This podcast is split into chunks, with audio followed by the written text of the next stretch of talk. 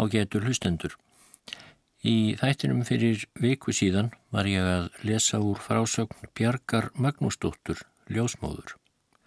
Hún sagði meðal annars frá því þegar hún var eitt sinn sótt í dagverðarnes, þar sem konun okkur átti vona á barni, en þegar hún kom á staðin var barnið reyndar fætt, en hún var að sísla um móður og heið nýfætta barn þegar uppgötvaðist að kviknað var í bænum. Og ég ætla að lesa framhald frásagnar hennar í þessum þætti og byrja á síðustu mínutunni úr síðasta þætti en þá hafi verið haldið með konuna og börnin á dagverðarnessi sem voru mörg í litla fjóslöðu nokkra metra frá bænum sjálfum. Og Björg skrifar Konan var lögð þar í litla geil við heistappa og var þar svo þröngt að varla var hægt að láta börnin frá sér. Hitan af bálinu lagði óþægilega á okkur og eldstólparnir blöstu beint við augum. Reyndi ég að fremsta megni að skikja á þá sín vegna konunar. Af einhverjum ástæðum var þarna engin hurð sjáanleg. Líklega hefur hún verið laus og aðeins lögð fyrir dyrnar venjulega. Ég var mjög kvíðandi um hag konunnar og barnana sem öll voru á svo ungum aldri og sem alveg nakin þegar þau höfðu verið hreyfin út úr bænum. Ég hafði meitt mig dálitið á hendi er ég braut gluggan sem ég komst út um og blætti mikið úr. Var það til óþæginda þar sem ég gerði blóðugt allt sem ég snerti á. Reyfi ég stikki úr svundunum minni og batt um meðslinn og var þá allt í besta lagi með það. Mér varð nú litið í áttinað bænum og sá að verið var að henda einhverju út úr herberginu sem við hafðum verið í. Kom mér þá til hugar að freista þessan á í töskuna mína með öllum mínum livjum og öðrum tólum og tækjum. Ég myndi að hún var skamt frá glukkanum en í henni var ímislegt sem gatt orðið að liði, til dæmis meðul, til hressingar konunni og fleira. Ég let nú stúlkunni eftir börnin og hljóp í hendingskasti að glukkanum Þar voru þessir tveir menn sem báru konuna út að kasta út rúmfatnaði og fleiru. Ég sá aðeins glóra í töskuna mína inni á gólfinu og náði henni út við illan leik. Varði ég allsögur fegin að hafa þó náð töskunni því lítið var betra en ekki neitt í alls leysinu sem nú var sjáanlegt framöndan þar sem bærin myndi auðsjáanlega brenna til ösku. Í töskunni átti ég meðal annars stort glas fullt af hoffmannsdrópum en þeir eruðu mörgum nokkur ressing síðar að dreipa á í kuldanum.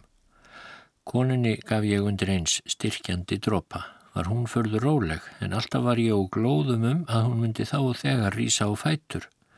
Stóð ég alveg þétt hjá henni til að fylgjast sem best með líðan hennar og hreyfingum. Henni var það auðsjáanlega mikil huggun að sjá all börnin sín þarna ómeitt en um þær snýrust allar hugsanir hennar eins og tíkt er um flestar góður mæður. Ekki vissum við neitt um heitt fólkið á bænum, sáum engan nema þessa tvo menn. Mér fannst á tími er við vorum þarna óra langur. Samt mun það ekki hafa verið meira en hálf klukkustund en við slíkar aðstæður verður hver mínúta sem heil dagur. Þarna í hlöðunni þótti ekki örgur staður fyrir konuna og börnin Því mjótt sund var á milli fjóssins og logandi bæjarins, en vindurinn stóð af fjóslöðunni móti eldinum svo að neistaflögið fór til hinnar hliðarinnar. Annars myndu þessi hús sem við vorum í einnig hafa orðið eldinum skjótt að bráð. Þegar ekki reyndist und að ráðan eitt við eldin í að bjarga nokkru að ráði þá kom allir kallmennir til að flytja konuna á annan og betri stað var þá haldið með hópin í fjárhús sem stóð neðarlega á túninu. Bar ég tvö börnin, hins ömu áður, auk töskunar, en ég átti full erfitt með að fóta mig í rókinu. Slift var á túninu og potlar í lautum og var ég oft næri fallin með byrði mína. Flest munum við hafa orðið rennblöyt í fætturna. Þegar komið var í fjárhúsin var konan lögð þar á fjárhúsgólfið, var hún þá búin að fá köldu og titring reyndi ég að hlúa að henni eftir föngum og gaf henni styrkjandi intöku, liðu þessi ónótt svo smám saman frá. Þarna var nú allt fólkið saman komið í köldu og dimmu fjárhúsi, flest af því mjög fáklætt og sögum af börnunum nakin. Aðeins hafði náðst í eitthvert stikki til að vefja þau í um leið og flúið var undan eldinum. Konurnar stóðu með litlu börnin sín í fanginu en þau átti ekki einu sinni pelansinn lengur því allt, bæði stort og smátt, fatnaður húsmunir, matvæli og alls konar áhöld fórst í eldinum. Aðeins hafði einhverju af rúmföttum verið bjargað út aðan sem seinast brann. Sorglegast af öllu var þó að ein konan skað brendist á höndum og andliti. Var það dóttir uh, gömlu konunnar sem áður er getið. Hún var stödd úti þegar eldsins varð vart var þá móður hennar gömul og ósjálfbjarga efst í huga hennar. Í ofbóði rauk húnin í bæjargöngin sem þá voru orðin alelda en hlaut brátt að snúa við og komst með naumyndum út aftur mikið brend. Henni leið hræðilega illa og var sárt að geta ekkert hjálpaðinni. Til þess að gera eitthvað tók ég sárabindi sem var í töskunum minni og reyfaði lauslega hendur hennar. Einnig átti ég blandaða bórsýru í stóru glasi og fannst konunni mikil fróun að sviðanum er ég létt bórsýrun að drjúpa í sárabindið við og við. Þetta voru fátækleg úræði en ofurlítul hugfró var það þó. Gamla konan hafi farið á samt hínu fólkinu út um glugga á eldhúsinu sem var á sömu hlið bæjarins og gluggin sem við höfðum að útgangudýrum en það hafi dóttir hennar ekki vitað og því rauk hún inn í húsið. Líðan fólks í fjárhúsinu var slæm. Verstur var kuldin því allir voru svo illa klettir og flestir voru aukðis votir í fætur. Hoffmanns drópa glasið átti almennum vinsældum að fagna þar sem það gekk millir fólksins en það virtist hlýja manni ofurlítið í byli að bragða á því. Ekki var um neitt að ræða nema standa, hverki var hægt að tilla sér Konan sem eh, brendist og móður hennar sátu á ofurlittlu þrepi í einu fjárhúshorninu en það var eini staðurinn sem hægt var að setjast niður á. Littlu börnin voru óvær, vantaði pelansinn. Var nú farið að hugsa til þess að mjölka kýrnar en þá var enginn fata til. Eftir mikla leit fannst þó loks einn fata en þegar komið var með mjölkina var enginn botli fyrir hendi, enginn skeið en ég neitt annað þess áttar en var farið að leita í einhverju dóti sem út hafði verið hend og fannst á einn bolli, lítil kanna og smá brúsi sem í hafði verið meðalalísi. Svo átti ég eina barnatúttu og teskeið í töskunni. Þetta voru all áhöldin sem var það bjargast við í byli. Brúsin var þvegin og auðvitað var ekki mannað en kallt vatna ræða til þess, síðan var hann fylltur með mjölk og látin á hann tútan. Börnin drukku volga mjölkina til skiptis úr þessu íláti en fullorðna fólki notaði botlan og kannugarmin. Þetta var fyrsta hressingin sem fólkið fekk eftir allt volkið og vandræðin þennan minnistæða morgun. Þegar sínt var að ekki var meira hægt að gera þarna, fór maðurinn sem sótti mig heim til sín og sendi síðan á alla næstu bæi til að segja frá þessum dývundum. Brunin hafði að vísu sérst frá sumum bæjum en þó mjög fáum því að þetta var snemma morguns og fólk var tæpast komið á fætur. Dreifin og brátt að fólk úr öllum áttum er bauð fram hjálp sína, komið var með fött og mat, líka svoðið vatn á flöskum til minnaverka sérstaklega.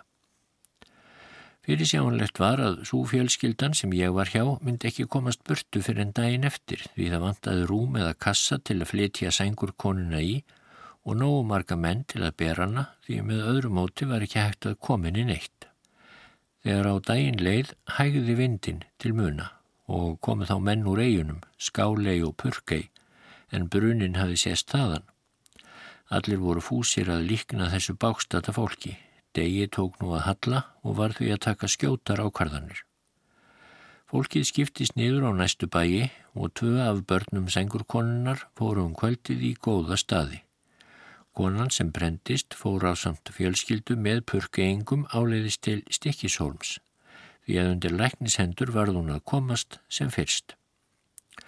Það gatt þú ekki orði fyrir daginn eftir því að myrkur var skollið á og enn var kvast veður þótt mikið hefði lægt frá því um morgunin. Að lokum voru allir farnir nema fjölskyldan sem ég hafði verið sótt til. Við vorum sex sem gistum í fjárhúsinu næstu nótt sængurkonan, maður hennar, tvö börnin, stúlkan sem hjá þeim var og ég. Aldimt var orðið þegar fólkið var farið en tveir menn af næstu bæjum voru komnir til að vaka yfir brunarústunum. Þeir höfðu með sér ljóskjær sem þeir lánað okkur og byrti þá heldur en ekki yfir bústæðanum okkar. Við byggum um okkur eftir bestu getu, hafðum talsvert af rúmföttum en mest af þeim var þó blöytt og óhrind. Fatnaður var sendur af næstu bæjum var ég komin í þurra sokka og skjólföt fekk ég að láni því allt sem ég hafði meðferðis varð eldinum að bráð nema taskan. Við settum snúað snæðingi, enginn hafði fengið sér neitt að borða þennan dag annað en mjölkursopan eftir hádegið en nú var komin nógur og góður matur frá nágrannunum. En fremur var farið í fjósið eftir mjölk og aftur var skipst á um botlan og brotnu könnuna en um það fegst enginn. Þar sem rókinu hafði nú slötað nokkuð var hlýra í fjárhúsinu en áður e, og auk þess hafðum við luktina sem bæði lísti upp og hlýjaði. Öll vorum við þreytt eftir þennan erfiða og ömurlega dag og verðum mjög fegin að leggjast fyrir í fjárhús í öttunni til að kvílast og eftir vil sopna stund og stund. En áhyggjur mínar vegna konunnar voru meiri en svo að mér er þið svepsamt. Sífælt ótaðist ég blæðingu eða aðrar slæmar afliðingar eftir alla þá skelvingu sem þessi liðinni langi dagur hafði haft í förmið sér. Morgunin eftir var svo komið ágætt veður, logn og sólskinn en nokkurt frost. Skam eftir hátegi komu margir menn af bæjunum í kring til að flytja konuna. Var hún borin í rúmi til sjávar nokkuð langan veg en hún fór á svont manni sínum og einu barni til kunningefólk síns í purkei og var ég með í förunni. Hitt barnið sem eftir var tók unga stúlkan sem ég hef áður minnst á heim til sín. Í purkei fengum við ágætar móttökur hjá góðu fólki og leið okkur þar mjög vel. Ég var þar nokkra daga þánga til ég áleit að konan væri úr allri hættu, henni hilsaðist fyrir mér vel var að vísu máttfarin fyrst á eftir en fekk þó enga blæðingu nýja önnur áföll eftir fæðinguna og vissi ekki betur en hún næði fullri hilsu. Ég get ekki með orðum líst þakklæti mínu til höfundar lífsins fyrir þá miklu hamingju sem okkur hlotnaðist með því að konan skildi sleppa heil frá slíkum móða. Ég held nú heimleiðis og fannst fólkinu mínu sem það hefði heimt mig úr helju þar sem frést hafði frá brunanum en flestar fregnir voru þó óljósar. Þá var engin sími í byggðarlæginu, vegir, lélegir og samgöngur strjálar, ekki sístum há vetur. Ég hef sagt frá þessum atbyrði eins og hann gerðist fyrir mínum sjónum. Ég skrifaði hjá mér ítarlega frásögnum ferðina þegar eftir heimkomuna eins og ég var vön að gera fyrst fram eftir árunum. Fimm árum eftir ég tók við störfum fekk ég sérstakka bók, svo nefnda fæðingabók, sem var ætluð til innfærslu á öllum helstu atriðum varðandi fæðinguna og eftir það skrifaði ég lítið annað en þar var ákveðið. En margar eru minningarnar frá ljósmóðurstarfinu nú að leiðar lokum og mörg var ferðin erfið og aðstæðan stundum ískikileg en oft gekk líka ágætlega og með þakklæti í huga lít ég yfir farin veg. Ég er óumræðilega þakklátt konunum sem ég hef verið hjá og fjölskyldum þeirra fyrir tröstið og vínattuna öll þessi ár og fyrir margar ógleimanlegar hamingistundir sem ég hef lifað á heimilum þeirra og ég óska niðjum þeirra blessunar Guðs í þúsund liðu Guði sé lof fyrir liðin dag og fyrir vernd hans í starfi og stríði áranna sem nú er að baki.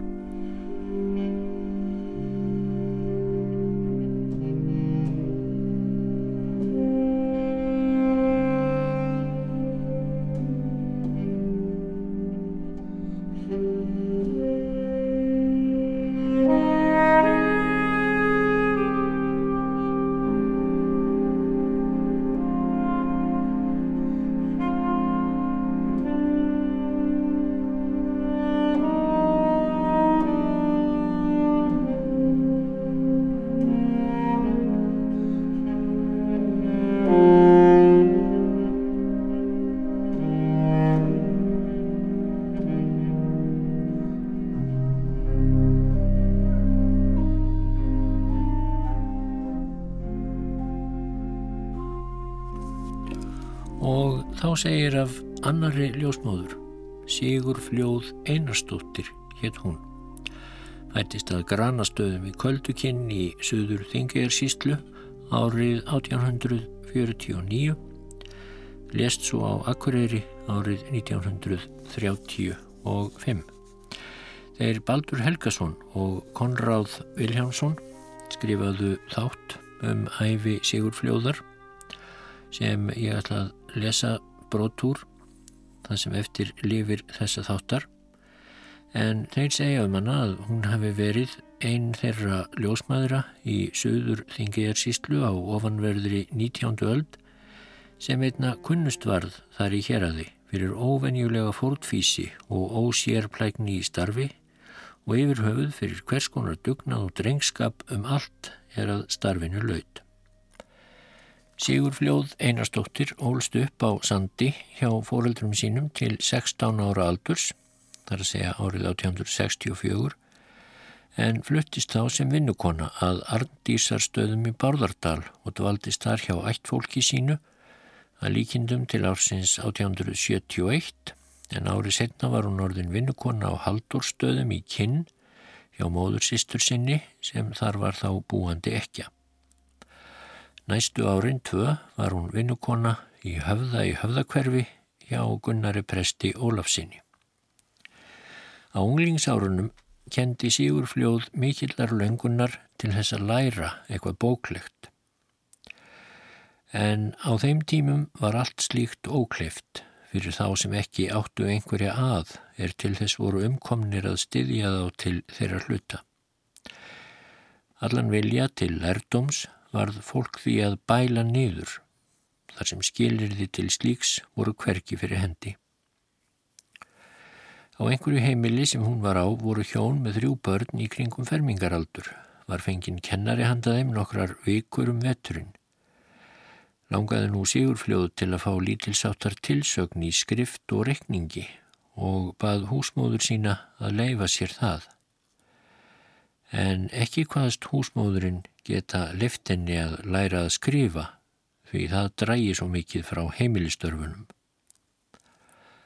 Afsvar hennar bældi þó ekki niður áhuga sigurfljóðar til námsins.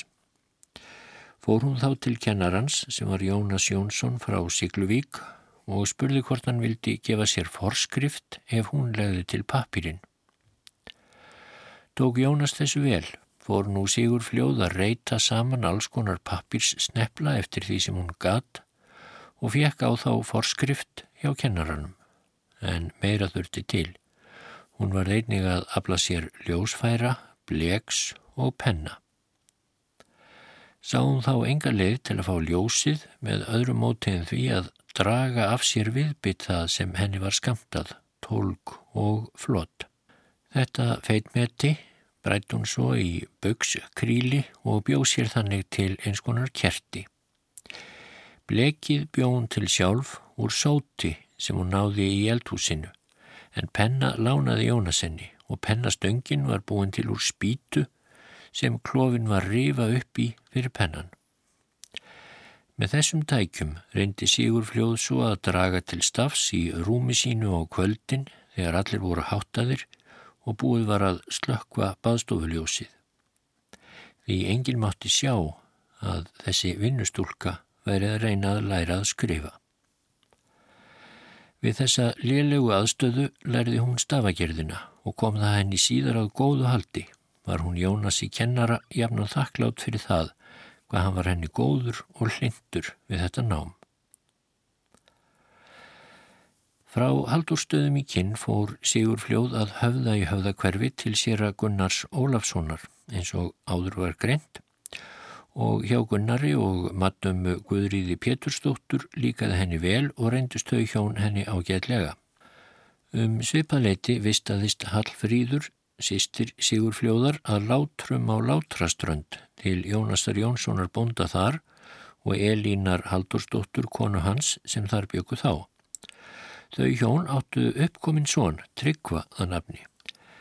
Þegar framlýðu stundir feldu þau Hallfríður, sýstir Sigur Fljóðar, og tryggvi hugi saman.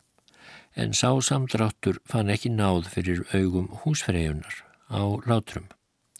Þótti henni ekki sambóðið slíku efnafólki að sonur þeirra látra hjóna ætti umkomulösa stúlku af fátæku foreldri og var þó Hallfríður engarmyndarleg stúlka í alla staði. Sumarið 1874 á túnaslætti kom sendimaður frá Látrum að höfða með þau skilabóð frá Hallfríði að hún bæði sístur sína að koma út í Látur til fundar við sig og vera þar hjá sér nokkra daga.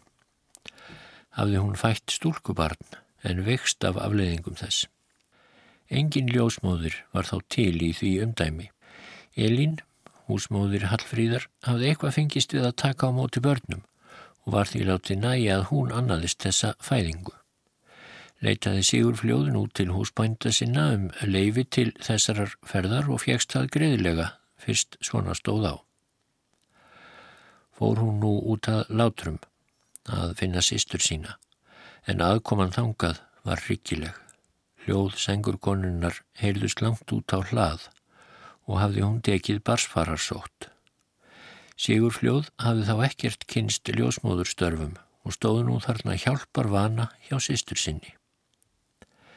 Engin læknir var nær en á akkureyri og auk þess vildi svo til að tryggvi, unnusti Hallfríðar, var þá í hákarlalegu og því ekki viðstattur sáist nú engar leiðir sengur konunni til bjargar. Þó fekk Sigur Fljóð því framgengt að bátur var mannaður og sendur til að sækja árna á Hamri í Svarvaðardal en til hans var oft leitað í veikindum og reyndist það oft ágætlega þótti ekki bærið að tilætlaðan árangur að þessu sinni. Því að nokkru eftir að árni komað látrum þá andaðist Hallfríður eftir hinnar átakanlegustu þjáningar var það haft eftir orna þegar hann lagði hana til að hann hefði aldrei séð eins fallegt lík lagt til moldar. Ekki mun það ofmælt að þessi atbyrður hafi verið sigur fljóð átakanlegur, er hún var þannig áhorfandi að því að lífið slittnaði af sístur hennar á þess að hún geti komið við nokkuri hjálp en það mun hún þá hafa heiti því að leggja alla stund á að afla sér þeirrar þekkingar sem þá var kostur á til að geta bjargað líðandi konum við barspurð.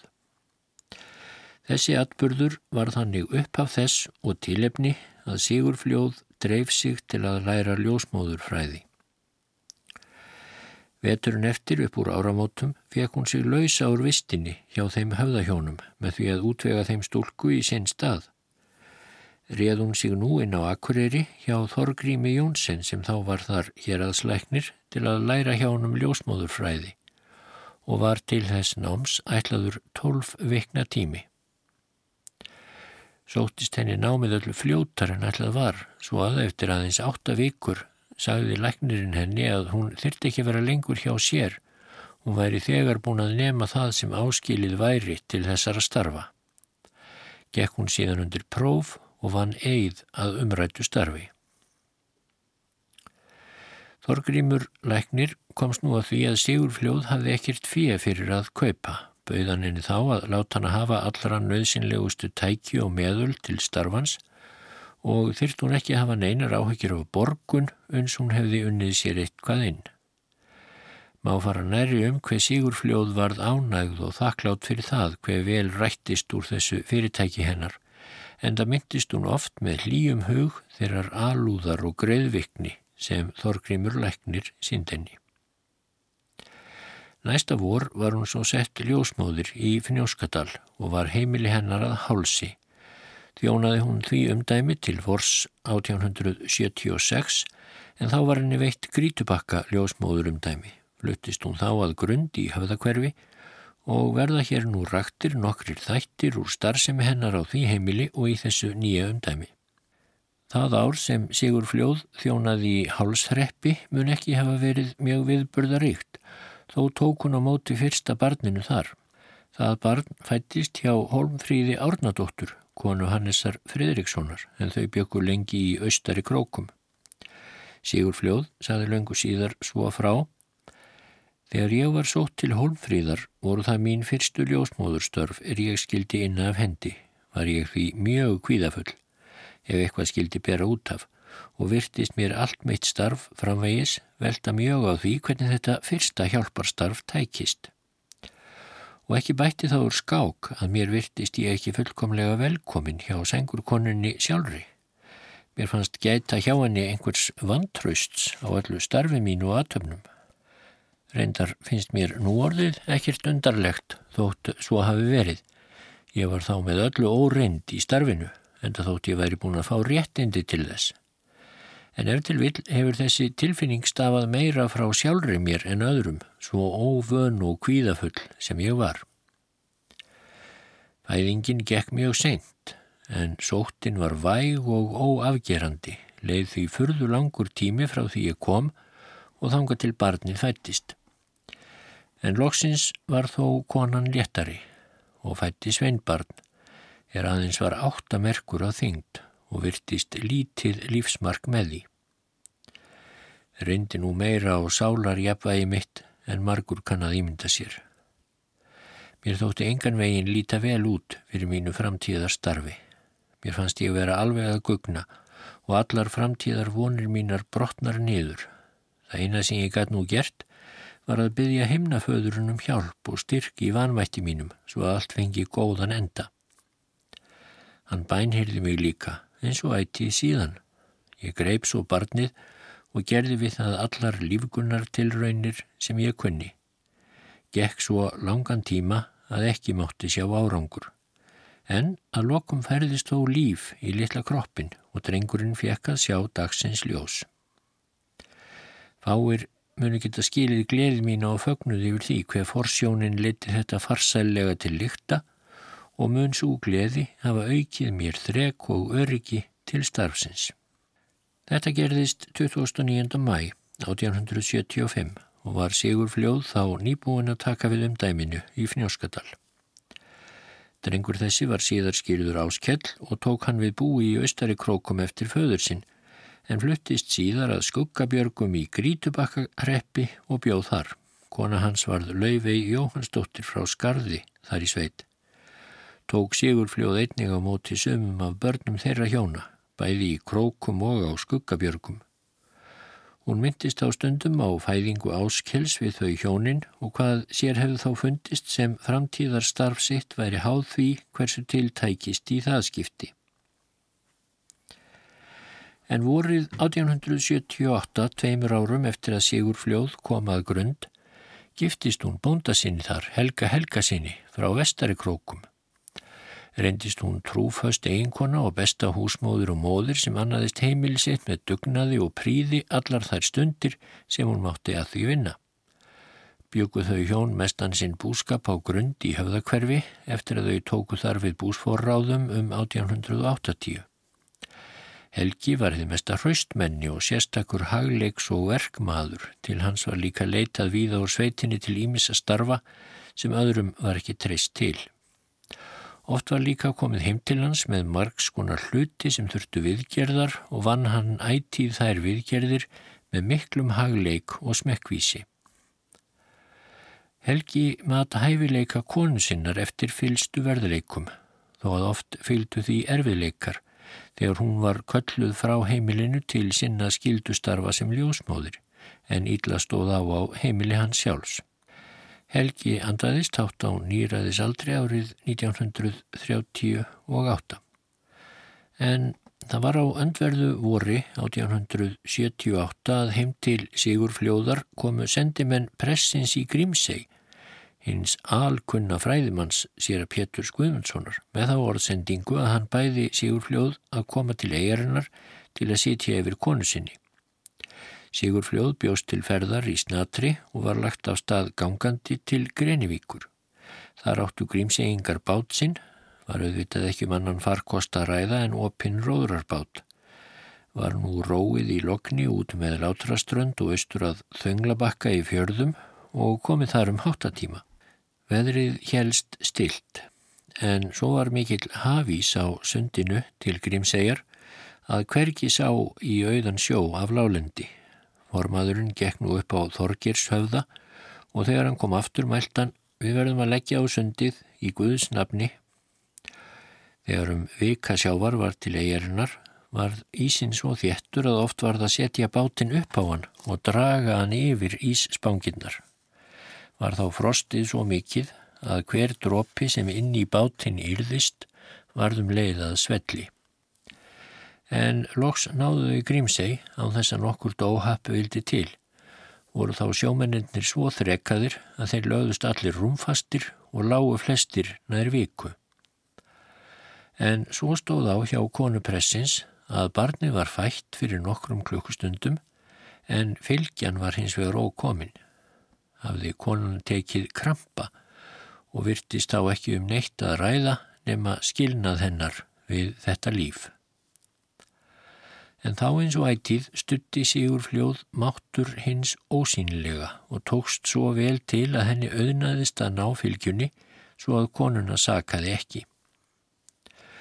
Þá mun mega fullir það, saði Sigur fljóð síðar, að í það sinn þóknaðist Guði að nota mig sem verkfæri sitt til að bjarga mannslífi. Nokkru setna kom Guðmundur bóndi á Vík á Flattæjardal til eigarinnar. Sildi hann með Sigur fljóð heim til sín.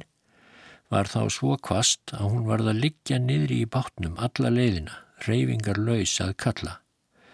Síðan var hún að ganga heim til sín og er það fullkominn daglið gangandi manni þótt á léttasta skeiði sé.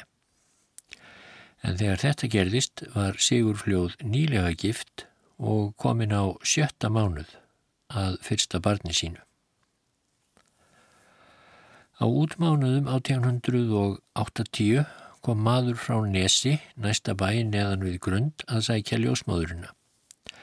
Var þetta næturlægi og ekkert tungsljós. Maðurinn var með skablahjárnaðan hest sem ljósmáðurinn skildi ríða en fylgdarmadurinn átti að ganga og fylgdi honum hálfvaksinn kvolpur. Helgi, maður Sigur Fljóðar, fór sem vant var á fætur, var nú lagður söðull á hestin en Helga Bonda síndist hesturinn kvikull og ekki sem stiltastur.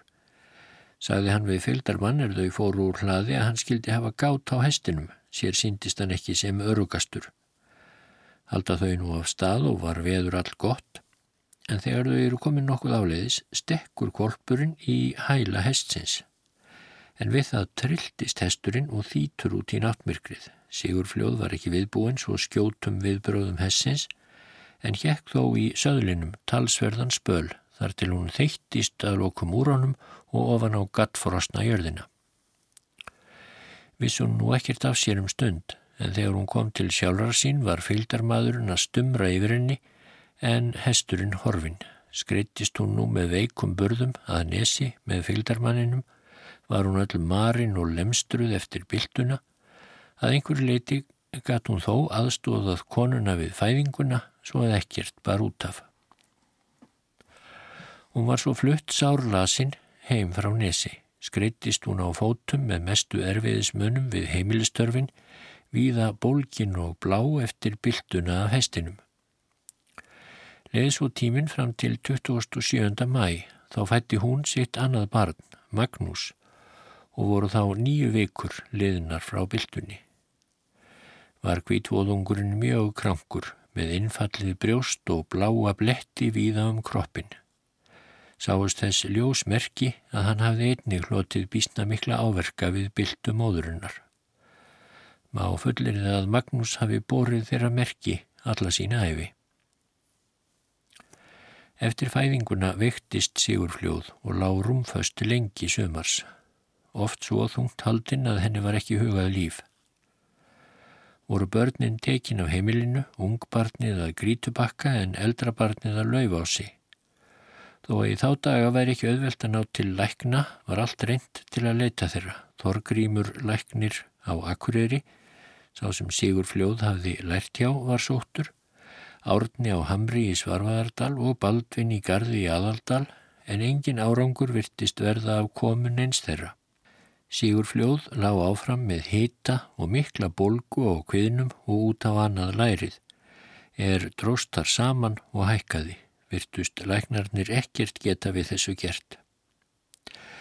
Þá kom og sér að Gunnar í höfða gamli húsbóndi hennar oft til hennar en hann þótti nærfærin við sjúklinga. Var það þá einu sinni þegar sér að Gunnar kom að hann hjó í þessa bólguhellu með blóðtökubíld sem Sigur fljóð átti. Blætti aðeins úr sárinu en engan árangur bar aðgerð þessi að öðru leiti. Var líðan Sigur fljóðar hinn versta og virtist hún ganga saman og rýrna með hverri viku. Virtist nú ekki um annað að gera en likja og vona en bólgu hellan ágerðist og fór ævaksandi. Þá var það einn daginn að Sigur Fljóð fór að reyna að stinga sjálf á þessari bólgu hellu, hjó hún í hana með sama bíldinum og þar sem sér að Gunnar hafði áður höggvið, opnaðist á þessi ígerð og gengu þar út ósköpin öll af greftri og blóðkorki. Út úr þessu var svo fært á hverjum degi um allangan tíma en upp úr þessu fór Sigurfljóð að hressast og eftir átján vikna legu steg hún fyrst í fæturna en var þá orðin skökk og hálf kreft þeim megin sem meinið var. Lengi var hún að ná sér eftir þessa legu og einlega náð hún aldrei til fulls þeim kröftum sem hún hafði áður. En þetta vor 1880 fengu þau Helgi og Sigurfljóð hálfa grund til ábúðar og hófuð þá búskap. Mun ímsum hafa sínst búskaparbyrjunin ekki glæsileg. Svo var þú og reyndin að ekki brosti lífið alltaf við þeim hjónum. Á þessum árum gengu harðindi um allt land en engum Norðurland. Hafís rak nálega á hverju ári upp að Norðurlandi og fyldi alla fyrði og víkur. Láðan oft þar langt fram á sumar og bannaði flesta björg úr sjó. Þó rak þá kvali og aðra sjóskeppnur oft á land var það ómetanleg björg fyrir alla sem til náðu. En það var þá allt matarkins nýtt til hins ítrasta og haldið afar spart á. Þessi harðindi og allu graspresti og ímiskonar óáran í búpenningi landsmanna þá kom í góðar þarfir að húsmæðurnar væru hagsínar, dögmiklar og sparsamar og mun Sigurfljóð hafa öðurlast þær digðir mörgum konum fremur. Varðla mun und að lýsa þeirri baróttu fyrir lífinu sem þá var háð, þegar alls leysi var á allar hliðar, þó að eljað væri nótt með degi af öllum kröftum. Einn atburð af mörgum vil ég minnast á í þessu sambandi sem skeiði á fyrri búskapar árum Sigurfljóðar eða 1880 og 7. Vorið hafði þá verið all gott og var jörð byrjuð að gróa. Var söðfíja haft úti á daginn og söðbörður byrjaður. Hinn átjánda mæ var fremur dimt í lofti um morgunin en þó hægveðri. Fíja var látið út að vanda og hugðu menn enga hættu á ferðum. Helgi, maður Sigur Fljóðar, átti erindi út á bæi, fór hann þegar búið var að láta út og ljúkaður um morgunverkum. En skömmi eftir að Helgi fór, brast á norðan stórfríð með mikilli veðurhæð, frosti og fannkomu. Var nú engin heima á grund sem hægt var að senda út í slíkt veður til að ná saman fjennu. En ekki leiðir endar og löngu þar til Helgi kom heim, brá hann skjókt við að reyna að ná fjennu en ekki reyndist það auðvelt. Hafði fjeð hrakið undan forviðrinu og fannkomunni, söður og nýður í grundarholma sem svo eru nefndir og stóð þar í skjóli undir bökkum og börðum. Einhver tíma fyrir löngu hafði fnjóská runnið um þetta sléttlendi og brotið sér þar farvegi. En nú rann hún annar staðar nema þegar vöxtur hljópi hana og krap og ísar hömluðu framrás hennar um aðal farvegi. Helga tókst að ná saman einhverju af skefnunum og komaðum heim við harðsóttan leik því veðrið hafðan bynt í fangið, braust hann svo á aðra bæi og fekk Kristján með sér sem þá var búndi í miðgerði til að hjálpa sér að koma fjennu heim. Strittu þeir við fjeð langt fram á nótt og náðu inn einhverju af því. Var þá áinn farin að belja út um hólmana, aðal farvegur hennar hafði stíplast af krapaförum og gekk hún þá upp í gömlu farvegina. Var þá augljóst að ekki er því komið við frekari björgun. Fórst þarna meiri hlutin af fjárstofni þeirra hjóna. Þau hafðu þá verið farin að búa á allir í grund og bústofnin var þó nokkuð stór eftir þá tíðar mælikvarða, svo tjón þeirra varð sem því nefnur meira.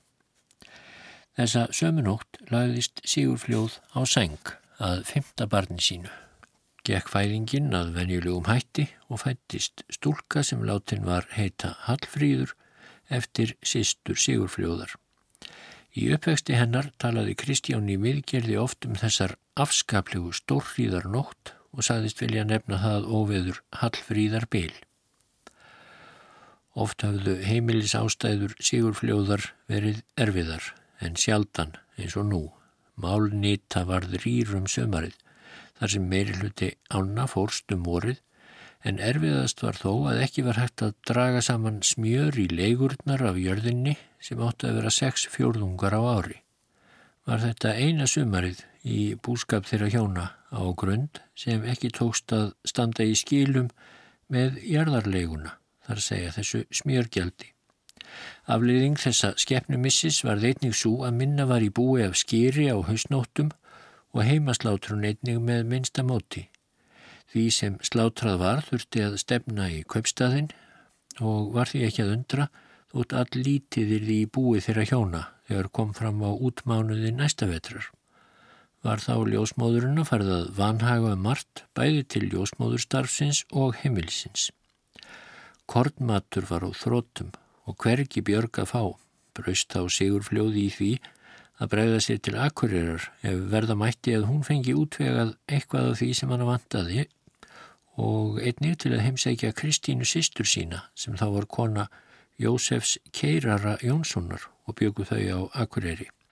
Þá vildi svo vel til að ferð fjell til Akureyrar frá Þorsteinstöðum í Laufássókn og fekk hún þar far, var lagt af staðsnema morguns og sóttist róðurinn vel þó að sunnan góla væri á móti.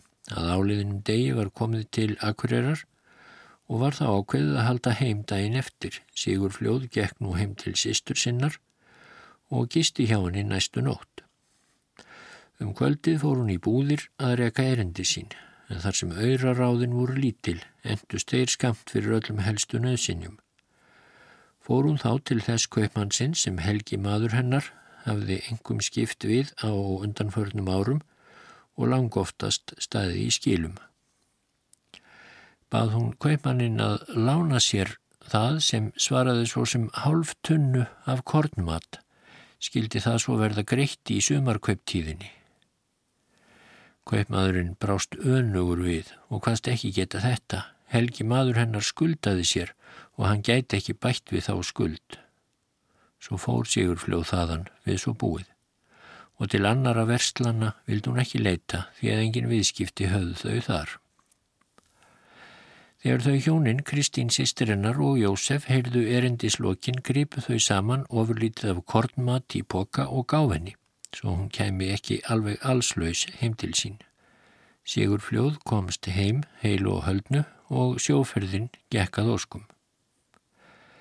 Frá þessu er ekki sagt í þeim tilgangi að fella skugga á vestlunarstjórun, segja þeir höfundar þáttarins um Sigurfljóð heldur aðeins, haldaðir áfram, til að sína hver hörð var þá baráttan fyrir lífinu og litlir möguleikarnir til lífsbjargar. Ungt fólk sem veldir sér í auðra flóðin útímans mun naumast trúa því að þetta sé satt, að hún hafi ekki getað fengið að láni sem svarar hálri tunnu af korni og er þó ekki lengra síðan að þetta gerðist en enginn sem þekkti til Sigurfljóðar mun efast um sannindi þessarar frásagnar og sjálf hefur hún sagt frá. Mörgum árum setna var Sigurfljóð spurða því hvort henni hefði ekki fundist til um það þegar faktorinn neytaði henni um eina kornmatar hálftunnu á aðframkomið heimili. Jú, svaraði Sigurfljóð, víst fannst mér það hart En ég fann það líka að ég skuldaði þá ekki fyrir hana. Sá sem ættið hefur séð fyrir mér og mínum þörfum gerði það einnig að þessu sinni svo að við komumst yfir þessa erfiðleika eins og svo marga aðra. Sumarið 1891 skammettir fráfærur bar svo við að sendimaður komað grund frá Þenglabakka í Þorkirsfyrði að sækja Sigurfljóð til frú Karolínu Guðmundsdóttur konu sér að Árna Jóhannessonar sem þá var prestur í fjörðum. Svo sókn var ekki í umdæmi Sigur Fljóðar en þar sem hún hafði aldrei neitað að fara út úr umdæmi sínu þegar ekkert sérstakt kallaði að innan þess, brá hún skjótt við að vanda, þótt hún ætti ídla heimangengt. Þá var húsmennsku kona frá Lauvási á grund og ætlaði hún að vera í kaupavinnu hjá þeim hjónum framann af slætti. Varð hún nú að taka við forstöðu heimilsins. Fór Sigur Fljóð með sendimanninum út Lerdalsheiði og allar leiðað Þönglabakka. Þetta er laung leið eins og þeir vita sem til þekkja en þó fljótfarinn á þessum tíma árs. Þegar að Þönglabakka kom var konan all hress og hressari næstu dag og eftir, svo augljóst var að ekki myndi fjölga að svo stöttu. Vildi Sigur Fljóð þá snúa heim aftur þar sem hún vissi að hún mátti ekki að heiman vera, en prestur vildi ekki slepp henni, saðin að fæðingin get ekki dreyist nema örfa á daga og ekki veri tilvinnandi fyrir hann að leggja slíkt kapp á heimföruna þar sem svo langt var að fara. Sigurfljóð leitt öðruvísi á málið, taldi hún fæðingun ekki vera svo nærri sem hann áliti og hún hefði ekkert þar að gera það sinni. En prestur satt við sinn keip og sagði að hana myndi yðra þess að fara ef eitthvað bæri út af en hún langt í burtu. Snerti hann þar við hvæman streng hjá Sigurfljóð. Við öllu vildi hún jafnan fórna undir þeim kringum stæðum til að afstýra óhöppum. Let hún því undan fórtölum prests að býða þar nokkra daga. Orðsendingu var nú komið að grund um að hún þyrti að býða einhvern tíma eftir fæðingunni og leið svo á þriðju viku þar til barnið kom í heiminn, gekk það allt farsælega og fættist drengur. Fór hún þá heim það fyrsta sem hún mátti en heimkoman var þenni allt annað en ánæguleg. Yngsta barnið hennar Baldur sem var á þriðja ári hafði vext og fengið kíli á aðra kinnina, fast við hlustina en út frá þessu kíli stokk bólnaði kinnin og halsin og allt var á auksl. Lá barnið farveikt. Engan lækni var að fá nærin og akkureri og var því dreyið að sækja hann þar sem á hverri stundu var búist við húsmóðurinni heim. Leist Sigurfljóð ítla á hvernig komið var og varðu nú að treysta á sjálfa sig eins og að venju. Tók hún svo barnið, hagrætti því eftir föngum, hjó í kílið og hleyfti út svo miklu af greftri og blóði og bjóð síðan um sem best hún kunni. Lengi var tvísínd um hvort drengurinn hefði þetta af, en svo varð niðurstaðan að honum batnaði og frekjan í presti hafði því ekki slæmar afleðingar að því sinni.